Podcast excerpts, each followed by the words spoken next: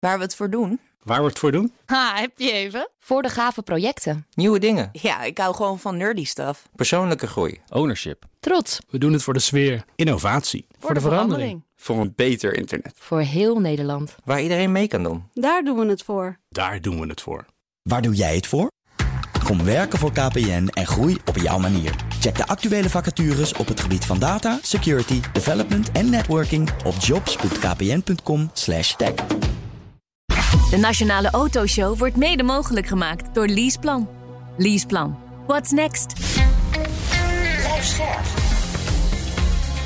BNR Nieuwsradio. De Nationale Autoshow. Meindert Schut en Wouter Carson. Wie een officiële race rijdt op circuit Zandvoort krijgt hoe dan ook te maken met de knaf. Ja, de Nederlandse Autosportbond is vaak te vinden op of rondom de baan. Uh, ja, op, dan, uh, dan is er iets aan de hand volgens mij. Maar uh, en zeker tijdens de aanstaande Dutch Grand Prix zijn ze er natuurlijk ook weer bij. Ja, dit is de zomerserie van de Nationale Autoshow. Circuit Zandvoort bestaat 75 jaar. heb jij wel eens hier gekampeerd in de grindbakken, Wouter? Valt het mee? Uh, nee. Ik zit even te denken. Ik ook niet. Is altijd keurig op het asfalt ja, gebleven. Ik ben wel een keer met... Uh, de la, een van de laatste keer dat je, dat je mocht driften op de baan. Toen had ik een uh, E36 325i. Even kijken, schijfvlak was die bocht daarna. Da Ja. Daar daaruit dacht ik, ja, volgens mij kan in zijn drie ook wel driften. En dat kon ook wel, maar Ja, op een gegeven moment toerenbegrenzer. En toen ging ik daar achteruit, zeg maar. Weet je wel, in drie Ja, ja. is 130, 140 in die auto of zo. En dan zeg maar spinnen en achteruit, koppeling in en, en een soort van op geluk sturen. En toen dacht ik wel, Ja, hoe voelde dat? ja, vreemd genoeg had ik het gevoel dat ik controle had. Omdat ik uiteindelijk zeg maar gewoon recht, weet je, Oh, echt ja. gewoon Ja, direct recht achteruit op de baan. En weer op een gegeven moment gedraaid, geen vangrail geraakt, niet de grindbakken. Maar achteraf dacht ik wel, ja, dit was net zo goed zeg maar wel heel hard de vangrail. Of heel eh, lekker eh, zeg maar honderden meters de grindbak in. Nou, die is geen honderden meters meer, maar daar. Maar eh, ja, het had, gebeur, had gekund, ja. Ik vind wel, het, het, het mooie blijft van circuit Zandvoort... is dat je, dat je geen gezeur hebt met die track limits. Hè? Nee. Ja, dat is wel fijn. Weet je, dat je gewoon rijden ja. en eh, er ligt asfalt, succes daarmee. Eh Hugenholtsbocht is de enige Ja, uitzondering, soort van... Ja, maar dan word je dat- ook niet beloond als je erbij... Ja, misschien Ja, wel, ja, wel. nee, ja, Het, het is toch eh, ho- hoog blijven eh, is, is toch een, een ding daar. Maar je kan daar meerdere lijnen rijden. Daar hebben we het al echt wel meerdere keren over gehad. Ehm, volgens mij rijdt ze daar wel echt tegen die lijn aan. Maar ja, als je er echt buiten gaat, dan moet je ook weer een soort terugsteken. Want je komt Ja. gewoon curbstones aan het einde tegen en zo. En dat is ook, nee, denk ik, toch uiteindelijk minder gunstig. En we gaan zo met de baas van de KNAF De praten. baas, Heb jij eigenlijk een racelicentie? Die, ik heb hem ooit gehad, is weer verlopen. Echt waar? Ja. En wat nu? Eh, dat weet ik niet. Dat kunnen we vragen hoe dat werkt. Volgens mij moet je dan weer opnieuw, eh soort opnieuw afrijden. Ja, nou, zoiets. misschien ja. kunnen we samen, eh, dat gaan doen, want ik Ah, het heb is ik heb wel leuk. Ja, ja, ja. Ah, ja, we- ik heb wel wat auto's waar we mee het kunnen doen. Dus dat, dat, dat, is, ja, Nou. dat is allemaal zo geregeld dit, joh. Onze gast is de baas van de KNAK, Nationale Autosport Federatie. Maarten van Wezenbeek, General Manager. Dat klinkt misschien beter als baas, hè, Wouter? Eindbaas. Eindbaas. Dat is wel Bij de KNAF. Welkom, ja. leuk dat je er bent. Ja, dankjewel. Is er een beetje animo voor zo'n racelicentie in Nederland? Zeker, ja, je gaat vast vertellen, nou, sinds Max. Ja, daar, daar was ik wel van plan om Ja, te gaan ja, vertellen ja. inderdaad. Ja, Sinds ja, Max ja, is het ja. helemaal ingestort. Ja. nee, eh, inderdaad, de populariteit van, van Max, maar ook van de Dutch Grand Prix, Ja. draagt daar natuurlijk wel heel erg aan bij. Ja. Ehm, maar goed, hè, de- ook daarvoor wisten al genoeg mensen dat, eh, dat racen heel leuk was, gelukkig. Met name de racecursussen, hè, die, die jij dan weer opnieuw gaat doen. Die, eh, Samen. Geven. Ik ga hem geven. Oh, ga je hem geven? Nou, Ja, dat is wel, nee, even een mooie anekdote. Volgens mij heb ik al iets over. Ik, wel- ik had een evenementje van Alpina. En dan gingen we met de B5 GT en de B8 Grand Coupé eh, op, op het circuit eh, rijden. En normaal met zo'n zo'n persevenement is er altijd instructeur. En die vraagt van, joh, wel circuit gereden? Ja, ja. Wel eens op Zandvoort gereden? Ja, ja, ook. En mijn cameraman stond erbij en die zei... Ja, hij heeft ook wel eens geraced. En toen zag je zeg maar, zijn blik soort veranderen. Want hij, hij had er nog niet, niet zoveel rondjes gereden. Dus hij begon ook beetje verontschuldigd over de lijnen die hij reed. Ik dacht, nou ja, je kan het, je kan het beter dan ik. Maar goed. Eh, Maar goed, eh, maar ik moet dus weer opnieuw op voor... eh, als ik mijn licentie weer... Dan mo- moet ik afrijden weer? Of hoe, Ja, hoe gaat ligt dat? eraan hoe lang dat het geleden is. Maar inderdaad, eh, Lang. als dat nou echt lang geleden Ja, is... dan, ja, lang geleden. Kijk, je weet zelf ook hoe leuk dat het is. Dus zo'n cursus doen, dat is ook geen probleem. Dus dat, dat doe je ook gewoon met liefde en plezier. Nou, het kost Toch? wel geld. Ja, hoeveel kost het? Ja, Ja, kost ja, wel ja, geld. autosport kost geld. dat Ja, hè, dat is Ja. een dure hobby. Ja, ik ga er even een beetje onderuitgezakt bij zitten. Wat, eh, wat, eh, eh, wat mag je neertellen voor een racelicentie? Nou, ik denk dat een eh, cursus met autootje erbij, hè, dat je al wel snel eh 2000 euro zit. Dus, maar goed, dat is... eh, Is te Mijner denkt wel, ah joh, ik dat eigenlijk maar- nog niet gedaan? Ja. hè? Ja. Dat is wat ik normaal ook in een Oh. weekend uitgeef. Ja, precies. Hè, maar, eh, dat is een normaal weekend. ah, Oké. De- Nee, het is dus best wel prijzig. Hè? Niet iedereen heeft dezelfde portemonnee nee, natuurlijk. klopt. Eh, hoe, hoeveel mensen hebben een racelicentie? Eh, een racelicentie echt voor hè, op de circuits, Ja. eh, net zoals Assen en Zandvoort. Wij noemen dat dan de autorensport. Ja. Ongeveer 2500 mensen hebben een racelicentie. Oké. En daarnaast hebben we nog hè, zes andere disciplines. Waar, eh, pak bijvoorbeeld karting, hè, wat gelukkig in populariteit ook Ja. eh, gestegen is. Ja. Dankzij diezelfde Max eh, de afgelopen jaren. En door gewoon een aantal beginnen, echt hè? goede initiatieven. Ja. Ja. Dus, ehm, maar echt voor op Zandvoort en Assen te racen in de basis, eh, dat, dat doen zo'n eh, 2500 mensen. Ja. Ja, en dat wil je ook zo behouden, 2500? Nee, dat, dat mogen er altijd meer worden. Hè. Dat, is, eh, eh, dat is vanzelfsprekend. Ja, en eh, dus als je die eh, licentie hebt, dan kun je eh, op eh circuit Zandvoort, maar ook op Assen Ja. rijden en racen dus. Ja, afhankelijk van het niveau. We hebben verschillende niveaus daarin. Je hebt een clublicentie, je hebt een nationale EU-licentie. Nou, als je die nationale EU-licentie hebt, zeg maar. Als jij de cursus ook heel goed doet, dan kun je daar in één keer voor slagen. Dan mag je ook op, op, op zolder, op spa. Ja, Monza, dat op, soort dingen. Ja, op alle circuits. Heel, heel. Europa eigenlijk. Ja, ja. Oeh, Leuk. die had ik. Ja, die had In één jij. keer. Ja. Had. In één nadruk keer. op had. Ja, ja. Eh, ja. het, het, het circuit eh, Zandvoort is, is jarig. hè. Hoe belangrijk is deze baan eh, voor de vaderlandse autosport? Nou ja, heel belangrijk. Hè, Dat is een, een statement, denk ik. Maar van die 2500 mensen hè, is, eh, is ruim meer dan de helft. En ik weet het niet precies in percentages, is wel op Zandvoort begonnen. Ja. Hè, En de andere helft dan op, eh, op, Op Assen. Ja, Ja. Maar ook de- qua uitstraling kan ik me voorstellen, zeker niet de- de Dutch Grand Prix daar eh, weer gehouden wordt. ja, ja, het is een iconisch eh, circuit. Ja. Hè, dat, daar hoef je alleen maar de rijders te vragen hè, die daar allemaal hebben gereden. Dat, dat, hè, Nederlanders, buitenlanders. Ja. Hè, het is gewoon echt een, eh, een gaaf circuit. Ja. Ja, aan de andere kant, jij zegt de uitstraling. Maar e- eigenlijk is Assen is ook, ik bedoel, het ligt niet in de duinen, maar qua gebouwen en infrastructuur, Bereikbaarheid. bereikbaarheid. Dus Ja. ja, dat je denkt, oh, maar. Hè? Zandvoort gaat de hele Ja, Assen gaat ook wel de hele wereld Ja, er rijden wat motor, Met de- motoren af en toe. Ja. Ja, van Assen. Ja. Ja, ja. Maar ik probeer even een ranglijst te maken. Hè, want het gaat over, Ranglijst. Ja. over autosport. dan ga je onze gast vragen wel- Ja, welke is het belangrijkste? Welk circuit is belangrijkste? Is Zandvoort belangrijker dan Assen? Dat ga je van mij niet horen. Nee, voor mij zijn ze sowieso eh, allebei eh, eh, even belangrijk. Hè, we hebben sowieso niet zoveel lo- locaties in Nederland eh, Nee. waar dat het kan. Dus hè, een, eh, een tweestrijd tussen die twee, dat is niet nodig. Zelf heb ik eh, ooit mijn eh, racecursus op eh, Assen gedaan. Kijk, Ja. eh, Eigenlijk wat vriendelijker circuit, hè? Zo iets, iets meer uitloopstroken Ja, aan voor alle... mensen, kijk, hè, ik, heb, ik heb even wat research vooraf gedaan. En jij had natuurlijk ook heel veel talent. Hè, dus, en ik had wat minder talent. Hè, dus ik ben dat op Assen gaan doen, omdat Ja. de uitloopstroken daar Ja. vriendelijker zijn. Dus, Ah, ja.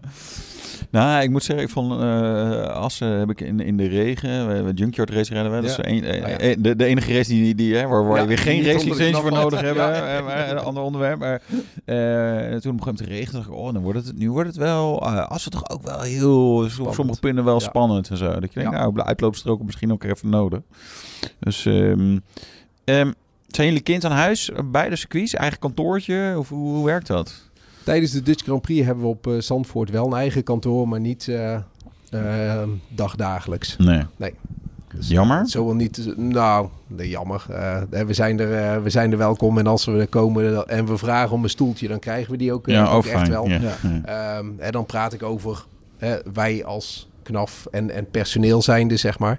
Eh, onze sportcommissarissen, die ook vaak bij, eh, bij wedstrijden zijn, die hebben daar dan wel op beide circuits een, eh, krijgen dan een, een ruimte toegewezen. Ja. Ja. Waar hebben jullie dan kantoor? Het kantoor zit in Houten, dus midden in het land. Ja. En ehm, dat is een bewuste keuze geweest een jaar of zes geleden. Om echt in het midden van het land te zitten. Waardoor we voor alle disciplines die we hebben ook echt een eh, nou ja, clubhuisfunctie kunnen hebben. En dat is ook eh, meer dan geslaagd. Ja. Maar, maar ligt daar dan een stuk asfalt eh, naast Nee. het kantoor? Je, Nee, je gaat nee. niet tijdens de lunchpauze gewoon even de helm op, eh pak aan en... eh, Nee, dat is niet nodig in de simulator. Hè? Dat Oh, in de simulator kun, kijk. je gewoon, Ja, kun, je- ja. kun je gewoon zo zitten. Nee, we hebben, we hebben er dan wel geavanceerde simulatoren staan.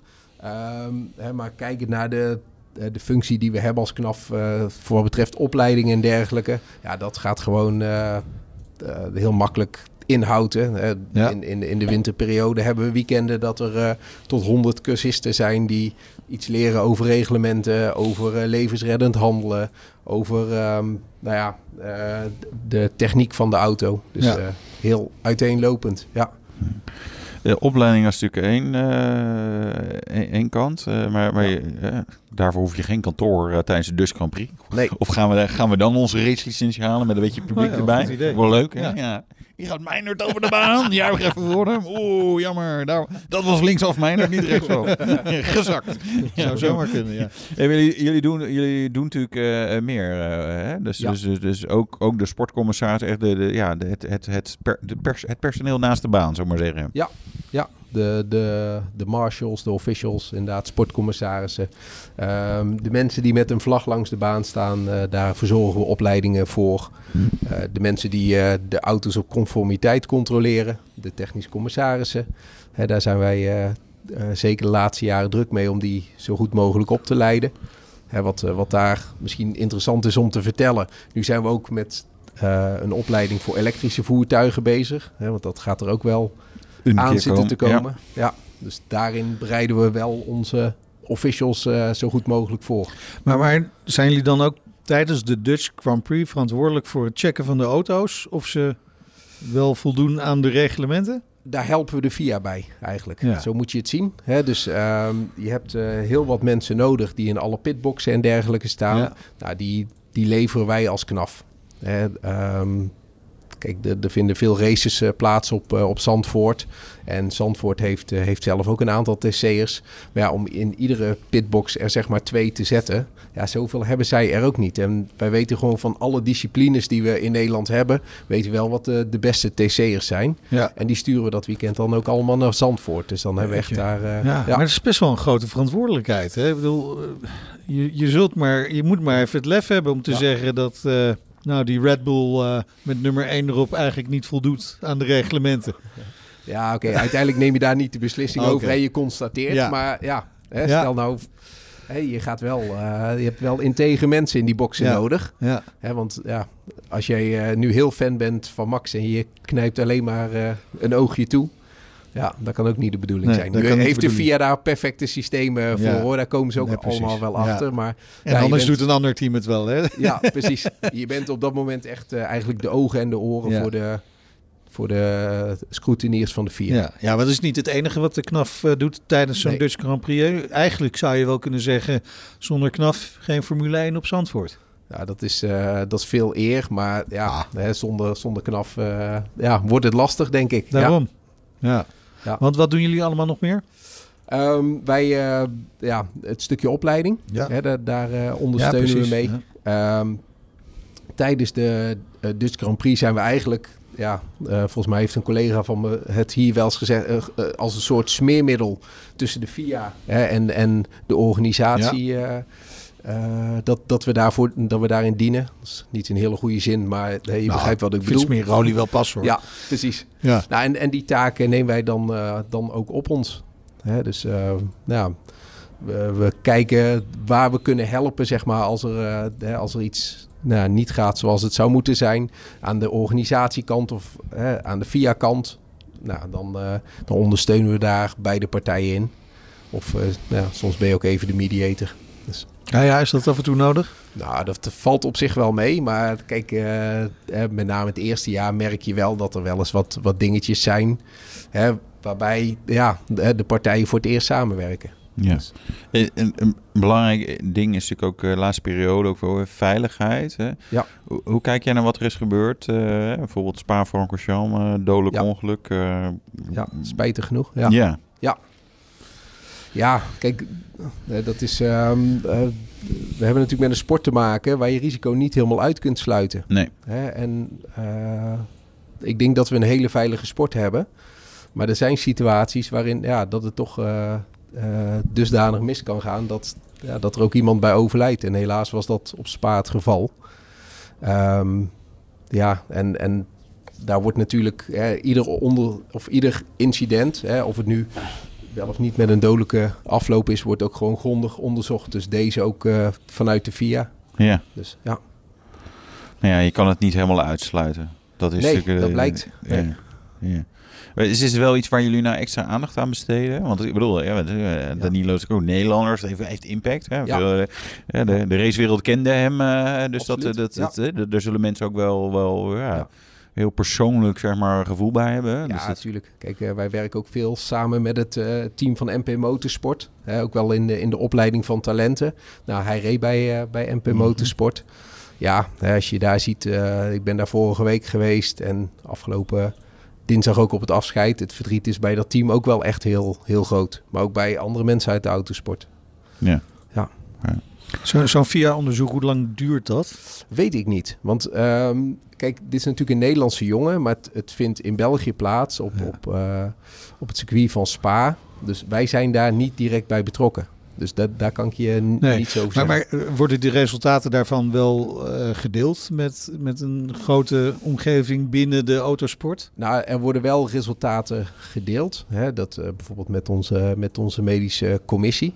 Ehm, ja, omdat het ook een, eh, een Nederlandse licentiehouder Ja, betreft. ja.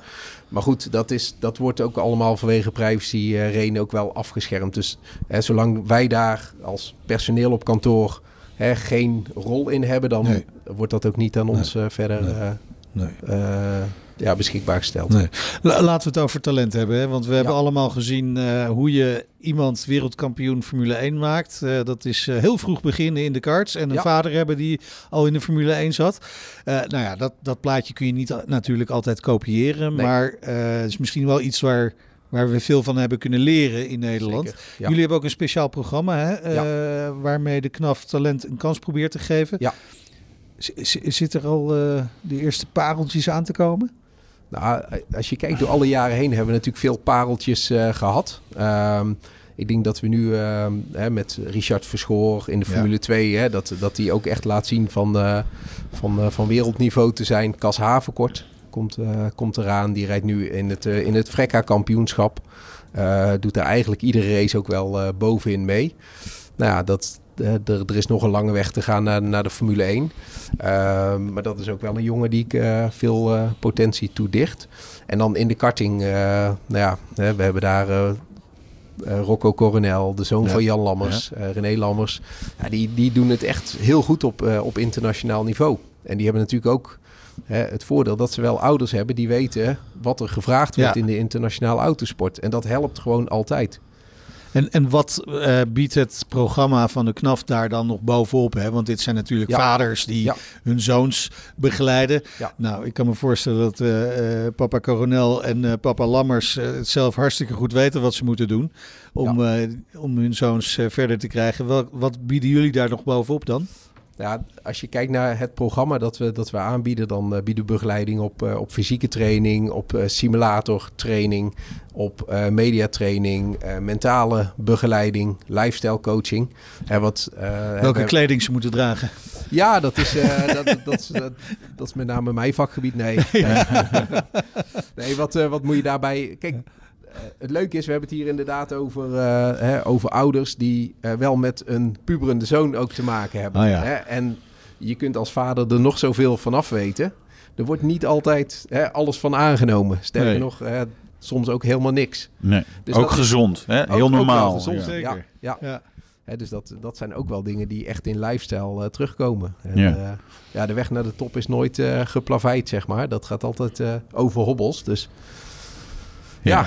En eerlijk gezegd, eh, het is ook afhankelijk van het talent en hoe goed dat hij al in het een of het ander is. eh, welke begeleiding dat je hem of haar daarin eh, kunt Ja, geven. terecht dat je haar zegt. Ja. Hè? Want zijn er ook al vrouwelijke talenten te bespeuren? Ehm, ja, in de KNAF Academy-programma. We hebben verschillende niveaus, maar dat zal ik nu niet uitleggen. Daar zitten inderdaad ook wel door de jaren heen ook dames in. Nu hebben we er één, dat is Esmee Kosterman. Rijdt dan in de Fiesta Cup. Maar ja, ik, ik denk dat hoe groter de vijver wordt waar we uit, uit kunnen vissen... dat, dat er ook steeds meer vrouwen zullen komen. En met name in de karting zie je daar ook echt wel een aantal talentvolle dames rondrijden. Dus ja. Maar gaan we ooit een dame in de Formule 1 zien? Of, of blijft dat toch een, een, een lastige? Hè? Ook fysiek ja. natuurlijk. Uh, het is geen krachtsport, maar je moet wel nee. sterk zijn. En, je moet wel sterk zijn, ja. Yeah. ja. Kan ja. het? Kan het? Formule, een, een, dame in de Formule 1? Ik denk dat het wel kan, ja. Ja. Okay. Maar uh, laat me geen jaartal op uh. Nee, maar nee, nee, snap ik. Snap ik. ik, ik denk zeker dat het kan. Ja, ja maar dit is natuurlijk wel... De, de, spook, de, de sport als, zelf, als zichzelf is eigenlijk niet zo heel woke. Hè? Geen, uh, geen dames. En eigenlijk moet je best wel geld hebben om... Ja. wat is duur sport? Dat dus, wilde jij zeggen. Hè? Ja. Om, om, om, Als je denkt van ja, ik wil Formule 1 coureur worden. Nou... Zoek, ja, zoek even de geschikte ja. ouders uit uh, die, die het kunnen betalen. Ja. Nou kijk, de, er moet altijd geld op tafel komen. Hè. Dat is, dat is wat, uh, uh, wat je eigenlijk zegt. En die kan of van de ouders vandaan komen of van sponsoren. Ja. Hè? En ja, als de ouders het niet hebben, dan heb je nog één kans. Dan, dan zul je ja. sponsoren moeten vinden daarvoor. En dat is, dat is lastig, dat weten we. Ja. Is, dat, is dat het... makkelijker geworden nu Max zo'n succes heeft? Dat mensen toch denken, nou ja, hè? nu is bij, de, bij het volgende talent aanhaken, dan, uh, dan is dat wel een slim idee. Ja en nee. Ik denk dat, dat uh, de populariteit van autosport hè, door Max enorm gegroeid is. En dat is goed. Hè, alleen we zien ook wel op het gebied van duurzaamheid, hè, of dat nu terecht is of onterecht, dat is, dat, daar kunnen we nog wel een podcast, mm -hmm. denk ik, een keer Zeker. over opnemen. Maar um, hè, dat, dat duurzaamheid wel steeds belangrijker is voor bedrijven. En ja. het makkelijkste is dan maar hè, om niet te investeren in autosport. Nee. Dus um, ja, vanuit die optiek uh, is het niet per se makkelijker geworden. Nee. Kijk, Aan de andere kant, elektrische uh, autosport, Formule E. Ja, ik zie de twijfels al op je gezicht staan. Nee, maar je, wil, ja, je, je zegt wel, we besteden wel aandacht aan uh, natuurlijk. Maar ja, ja daar zou je dan eigenlijk een soort slag in moeten gaan maken. Dus zeggen, ja, we ja. moeten, moeten dat echt gaan doen. Ja, ja. elektrische autosport, dat, ja, daar, daar zijn nog wel een paar slagen in te maken voordat het echt hè, dat, dat, uh, vergelijkbaar is met uh, wat we nu met verbrandingsmotoren doen. Maar begint het ook niet gewoon bij het karten?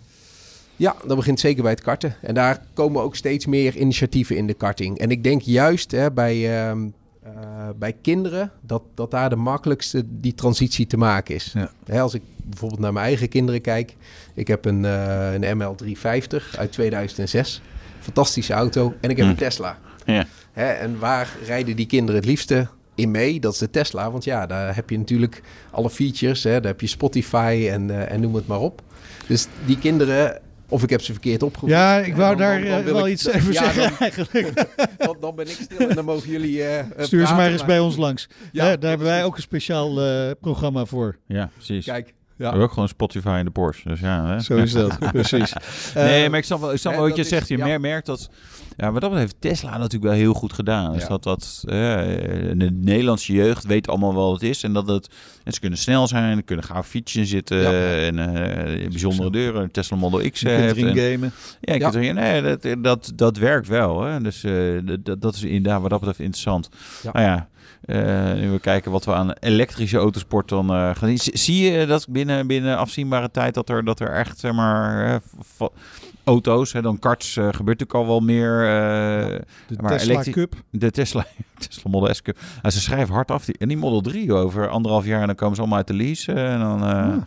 voor weinig. Best een Ja. ideetje. Rolkwijtje erin.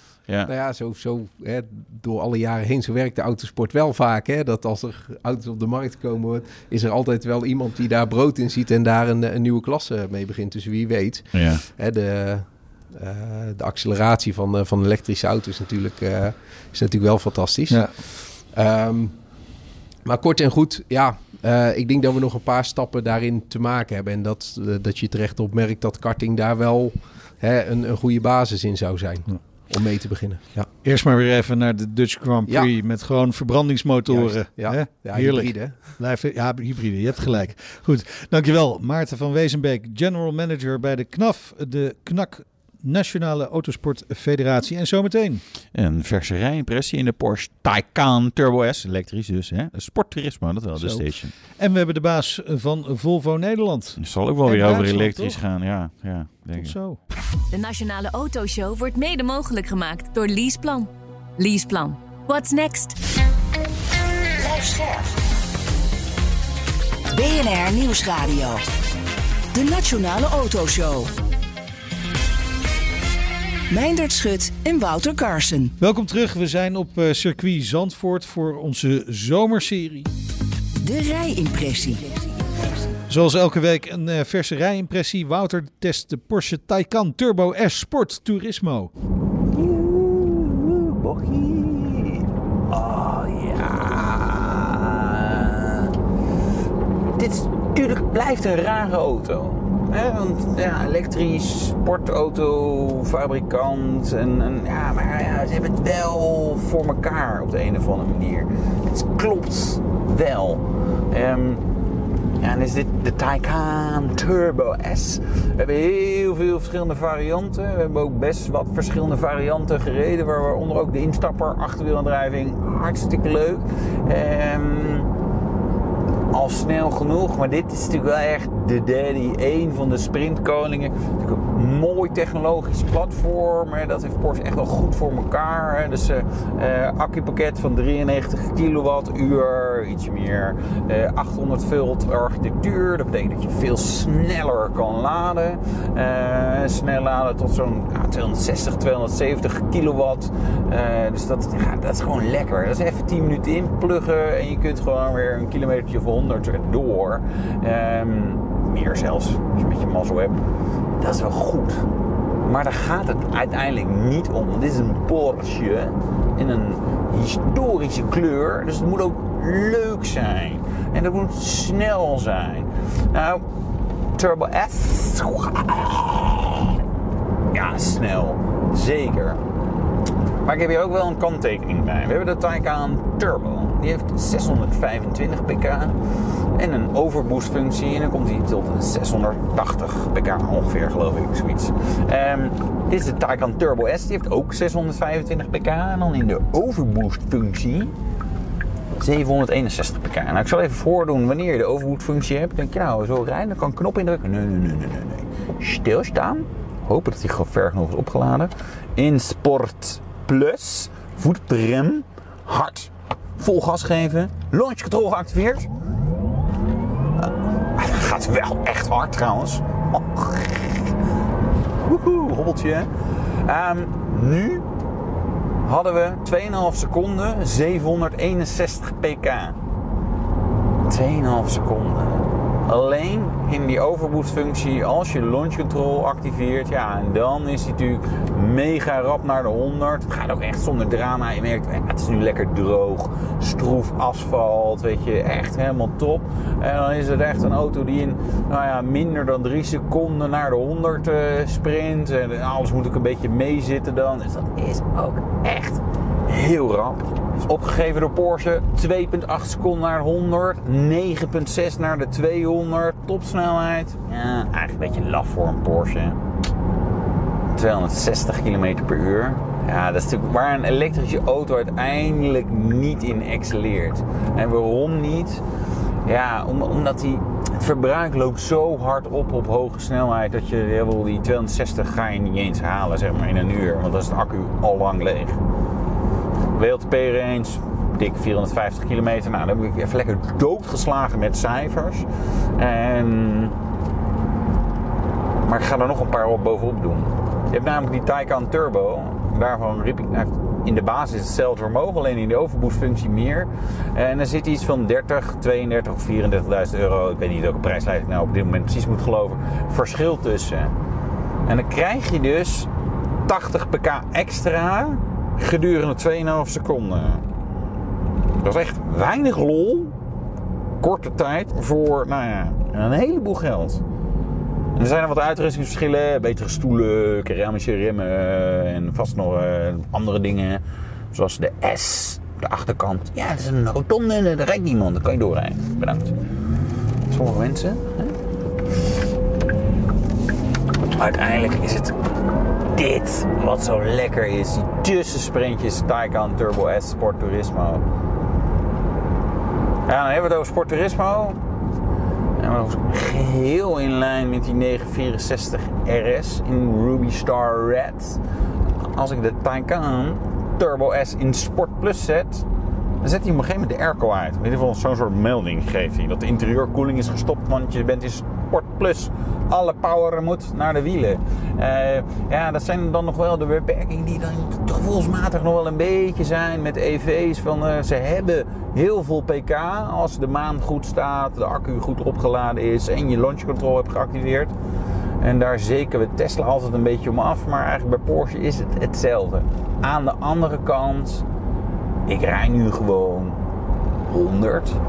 Ik ga zo inhalen nadat de volgende twee auto's hier voorbij zijn gekomen.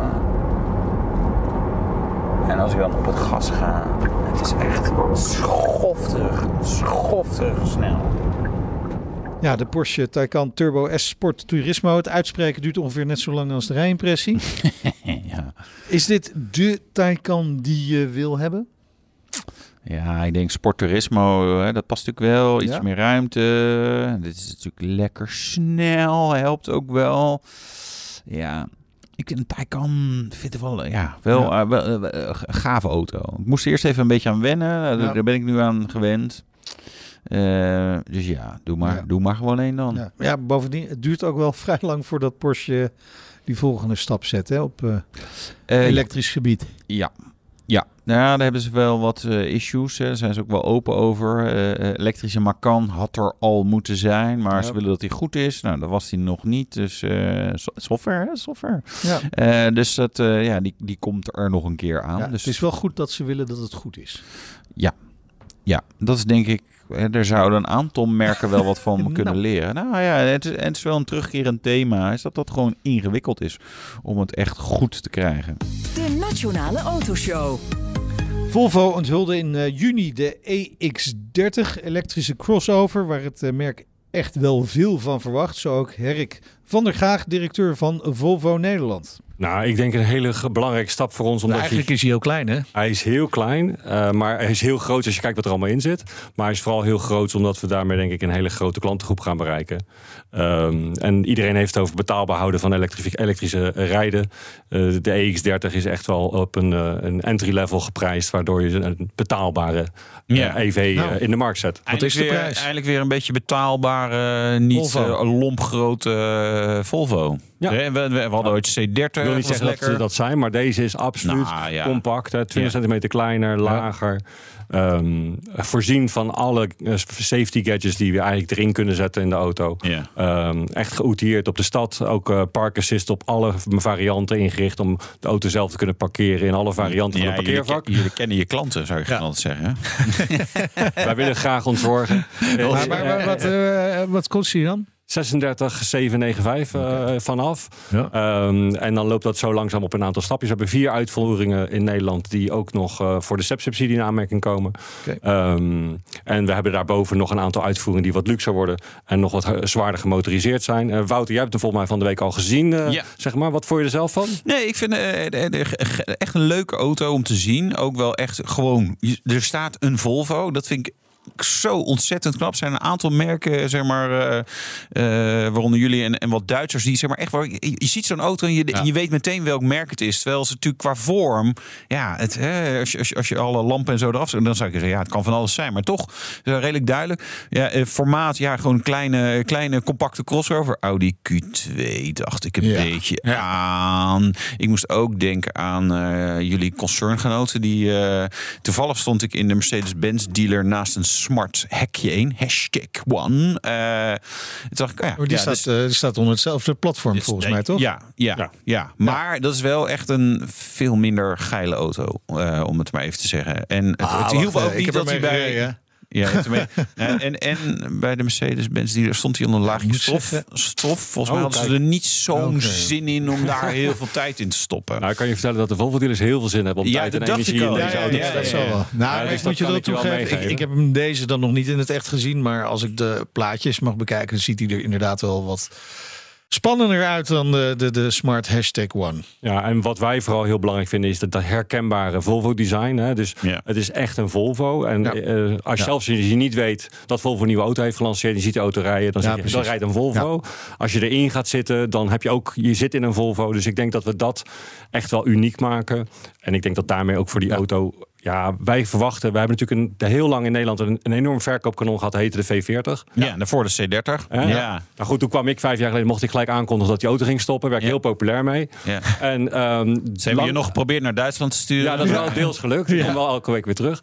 Ehm, maar daar zie je dus dat dat is een, wel een klant die we ook graag willen bedienen. We denken ook echt dat de jonge gezinnen, Nou ja. eh, dat we die daar ook echt mee kunnen bedienen. Het, het is ook wel een beetje kritiek geweest op Volvo. Hè? Een kritiek waar je wel mee kunt omgaan, denk ik. Maar dat, dat ze gewoon wel echt duur werden. Nou ja, we hadden ook zeg maar niet meer een auto op het platform dat we dat op dat prijsniveau kunnen aanbieden. Elektrische auto's zijn enorm duur om te ontwikkelen. Vandaar dat je ziet dat daar aan de achterkant eh, economics worden gerealiseerd. Dus dat is een platform waarvan je weet dat Het dat CA-platform van Geely, hè? daar staat dus een Smart Hashtag One op. eh, maar ook de Zeker X. Ja, en waarschijnlijk nog een aantal varianten die überhaupt nooit de- deze kant van de oceaan Nee, nee, zullen blijven bereiken. Maar daardoor zijn de investeringen in zo'n platform zijn daar. Vervolgens is de auto volledig vanuit Volvo ontwikkeld en designed hoe daar qua specs en hoe die is opgebouwd. Dat Ja. zie je ook, denk ik, aan de auto. En dat hebben we ook bewezen met andere auto's die platformen delen binnen het concern. Dus ik denk dat dat wel heel goed is. Nee, het ziet er niet uit alsof uh, gerebadged iets anders. Echt, het is echt wel Volvo. Ik heb ook ingezeten. Het is een redelijk minimalistisch interieur. Maar gaan we het zo misschien wel even over. Maar het is uh, jammer dat we, ja, dat we hem niet mogen kopen. hè. Want uh, onze grote roerganger in Europa, Caroline Nachtegaal, zegt... ja, koop geen Chinese auto. En dit, dit is, is dit nog een Chinese? Hoe kijk je er tegenaan? Wat nou, vind ik je zie ervan? dit echt als een Zweedse auto Ja. die toevallig in China in elkaar wordt geschroefd. Ja. Ehm, we hebben meerdere auto's die op wereldwijde basis op verschillende locaties. Maar we hebben de XC40 een mooie voorbeeld. Die wordt in Gent gebouwd, maar die wordt ook in China gebouwd. Ja. Eh, eh, wat ik kan zeggen is, het is echt een Volvo, een Zweedse auto. En toevallig eh, worden de aantal componenten bij elkaar gezet. Maar er gaat niet in China wat andere software in, waardoor Xi Nee, Jinping is mee echt kan een kijken. eigen, een eigen auto daarin. En nogmaals, ook Volvo met deze auto zal zeker zijn groeiambitie ook gaan Ja, realiseren. het is trouwens wel lachen, want is, is dit gewoon eh, hartstikke veel Google dingen in. Dus Google Maps en Google. Ja. Dus, dus het gaat allemaal naar Amerika. Dus dan kan Ja, het dus Biden eh, lekker meekijken. Als je praat over mondiaal, denk ik dat dat het ook echt is. Ja, Dus, ja, dus- Ja, ja. Ja. Maar hoe kijk je überhaupt naar die discussie? Hè? Die wordt toch nu wel gevoerd over Chinese auto's en de mogelijke risico's die ze zou, met zich mee zouden brengen. Even buiten de discussie of Volvo deel Nee, Chinees nou, is of niet. Hè? Voor mezelf, ik denk dat wat de discussie die het op, op gang brengt, met name die ik interessant vind vanuit de consument, is het betaalbaar maken van elektrisch Ja. rijden. Ik denk Ja. dat dat een hele belangrijke impuls is die dat geeft. En dat zet ook druk op, eh, op andere fabrikanten om te zorgen dat we dat marktsegment ook bedienen. Ja. Eh, het is niet zo dat als je het niet bedient, dat het niet bestaat.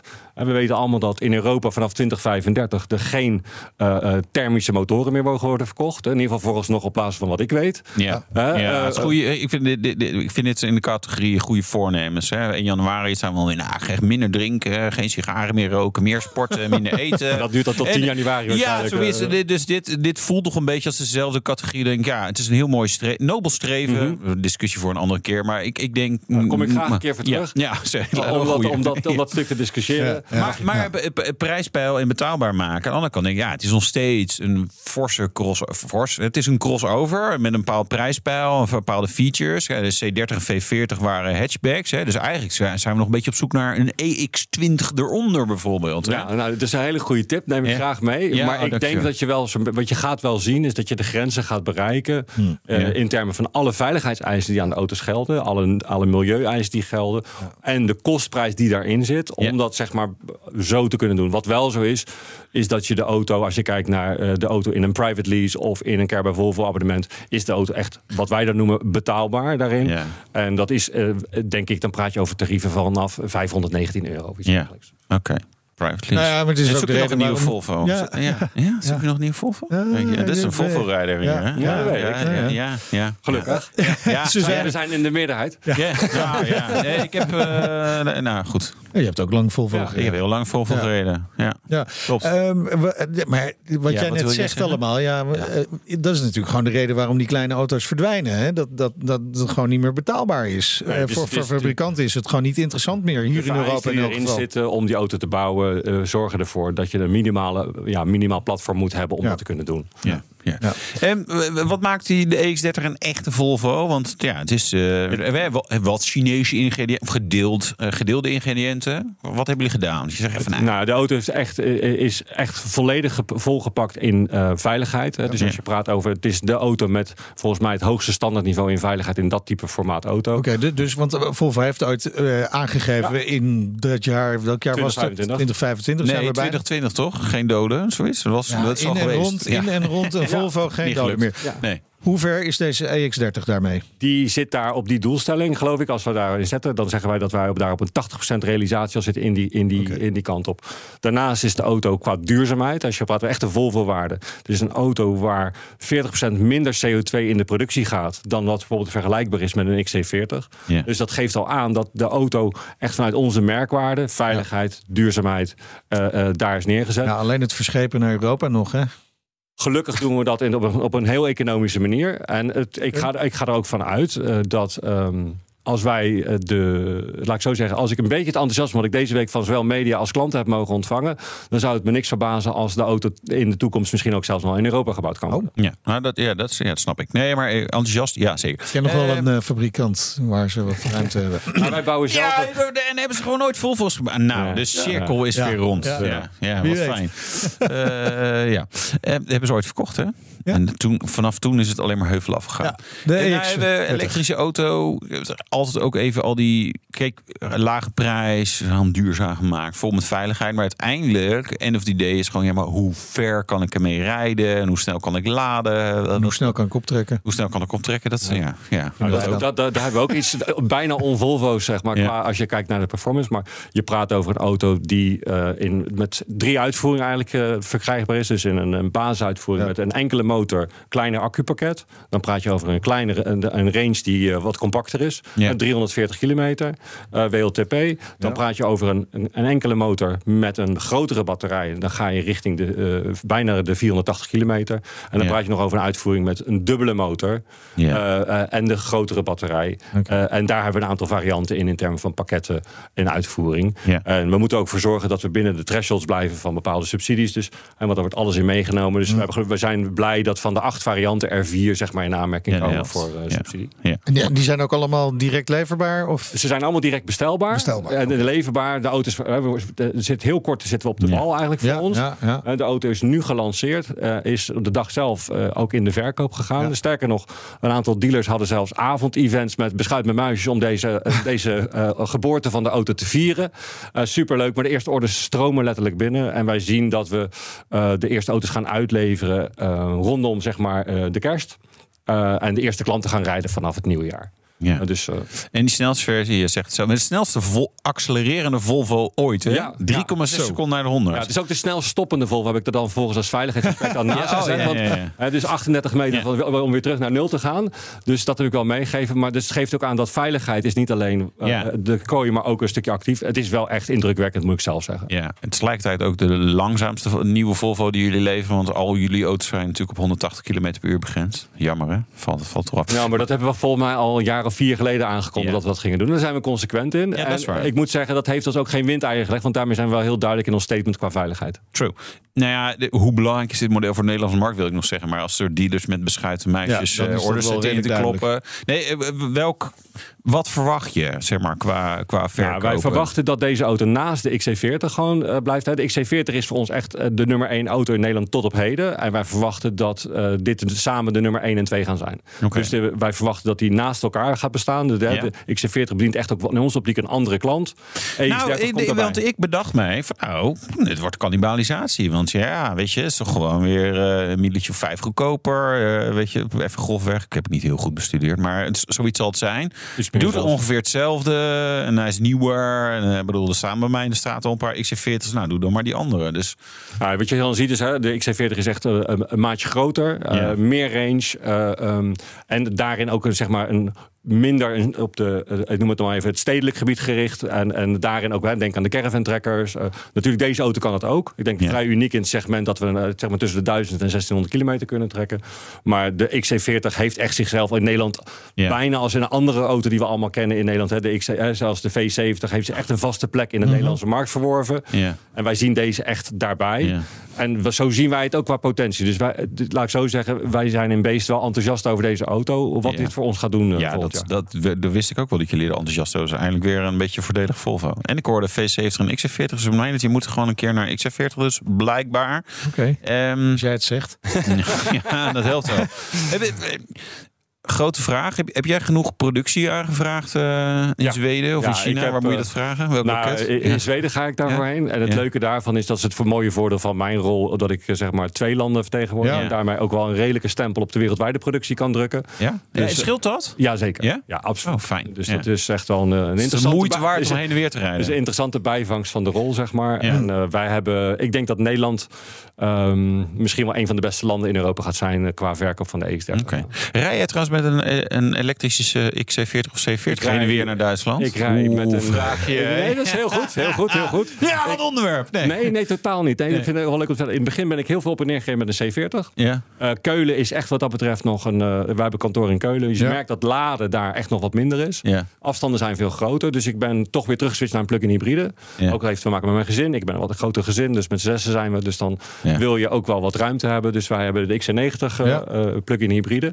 Eh, maar ik gebruik eh, ook eh, onze poolauto C40 eh, voor de korte afstanden. Jazeker. Ja. Maar in Keulen in een C40, dan eh, laat je daar weer om weer terug te gaan natuurlijk. Ja, dan, dan- maar in de stad merk je dat daar bijvoorbeeld... Je ziet het aan heel iets simpels. Ik zeg altijd, als je wil kijken hoe ver een land is qua elektrificatie... ga niet op straat kijken, maar ga in een parkeergarage kijken. Ja. Daar zie je of parkeervakken al in de breedte zijn. Ja, ja, is daar laden aangelegd? Ja. zijn ze überhaupt ermee bezig? En daar zie je dat een aantal landen om ons heen... nog veel van Nederland kunnen leren. Dus dat is ook een van de redenen dat ik naar Duitsland mocht gaan... om te helpen de elektrificatie ook te versnellen. Ja. Ja. Ja. dat is natuurlijk ook wel een reden waarom ze in Duitsland wat achterlopen. Dus dat die afstanden gewoon veel groter zijn natuurlijk. Hè. Mensen zijn ook het gewend om lange afstanden te rijden. Ja. Daar zijn we in Nederland gewoon wat minder aan gewend. Dus past die elektrische auto wat beter hier. Ja, en daar zie je nu wel, en dat zie je dus interessant, dat daar met name de versies met long range daar echt heel, het heel Ja, ja. goed doen. Hè. Dus je ziet daar de auto, hè. zien bijvoorbeeld met een XC40 ook met long range met 570, 580 kilometer. Ja, dan doe je serieus mee. Ja. En Ja. waarbij het dan, hè, we zeggen vaak van, jullie hebben het er vaak over effectief gebruik en effectieve range. Ik denk dat Volvo ondertussen wel bekend staat dat wij heel dicht bij onze opgave zitten qua gebruik. En dat zie je daar ook wel in terug. Dus dat is wel een- iets wat we zien. Plus ook dat de stap die we in Nederland gemaakt hebben, vind ik van brandstofmotoren, van de diesel richting Ja. eh, benzine, plug-in hybride, elektrisch, die zie je in Duitsland veel, veel meer versnellen. Ja. Maar dat Ja. gaat veel korter duren. Zuid-Europa niet hoor. Daar verkoopt ze nog steeds. eh, Euro, Euro- überhaupt Europa, marktaandeel diesel is nog steeds groter dan elektrisch. Je, je had het net over je, je CX-90, hè, die, je- die je dan eh, privé rijdt. Eh, Eh, je hebt- XC90. XC90. hè? ja, XC90. Sorry, Ja, CX-90. CX-90, Godjongen. ja. Ja, Die- Al die cijfertjes. De EX90 is natuurlijk de opvolger daarvan. Die zeg ik dan wel goed. Ehm, daar waren wat problemen met de software. Ja, Is dat absoluut. helemaal opgelost? Nee, dus anders had de auto er al geweest. Hè. Dus Ja. als, als dat opgelost Ja. was, had ik, had ik dat anders op gereageerd. De auto is eh, bewust eh, vertraagd in zijn, eh, in zijn Ja. uitlevering. Hij wordt afgeleverd in het begin eh 2024, eerste helft. En dat heeft te maken met een aantal software-specifieke elementen. De auto heeft zulke hoge standaard met, eh, met LiDAR en dergelijke technologie aan boord... dat ze gezegd hebben, we willen zorgen dat die vanaf dag nul gewoon goed is. Dus dat, en dat kan ik alleen maar onderschrijven. Ja, ja. Dus Wij, wij wachten daar in het uitrol. Gelukkig hebben we een heel actueel model nog en dat is de XC90. En daar kunnen we het goed mee uit. En die problemen zijn er niet bij de, de EX30? Nee. Ja, directeur van eh, Volvo Nederland, Herrik van der Gaag. Ja, dit was de Nationale Autoshow. Terugletter, site, de app, Apple Podcast, Spotify, andere pod- podcastplatforms. Kies maar. Ja, Kies is maar. Moeilijk. Hè? Ja. Eh, vergeet je ondertussen niet te abonneren. Volg ons op Twitter, Facebook, Instagram, LinkedIn. En LinkedIn moet ook, hè? Ja. Ja. ik, Ik- ben Wouter Karsen. En ik ben Meijnerd Schut. En tot volgende week. Dan spreken we eh, met eh, Frits van Amersfoort van Van Amersfoort Racing. De Nationale Autoshow wordt mede mogelijk gemaakt door Leaseplan. Leaseplan. What's next? Ook Bas van Werven vind je in de BNR-app. Ja, je kunt live naar mij en Iwan luisteren tijdens de ochtendspits. Je krijgt een melding van Breaking News. En niet alleen onze podcast Ochtendnieuws, maar alle BNR-podcasts vind je in de app. Download nu de gratis BNR-app en blijf scherp.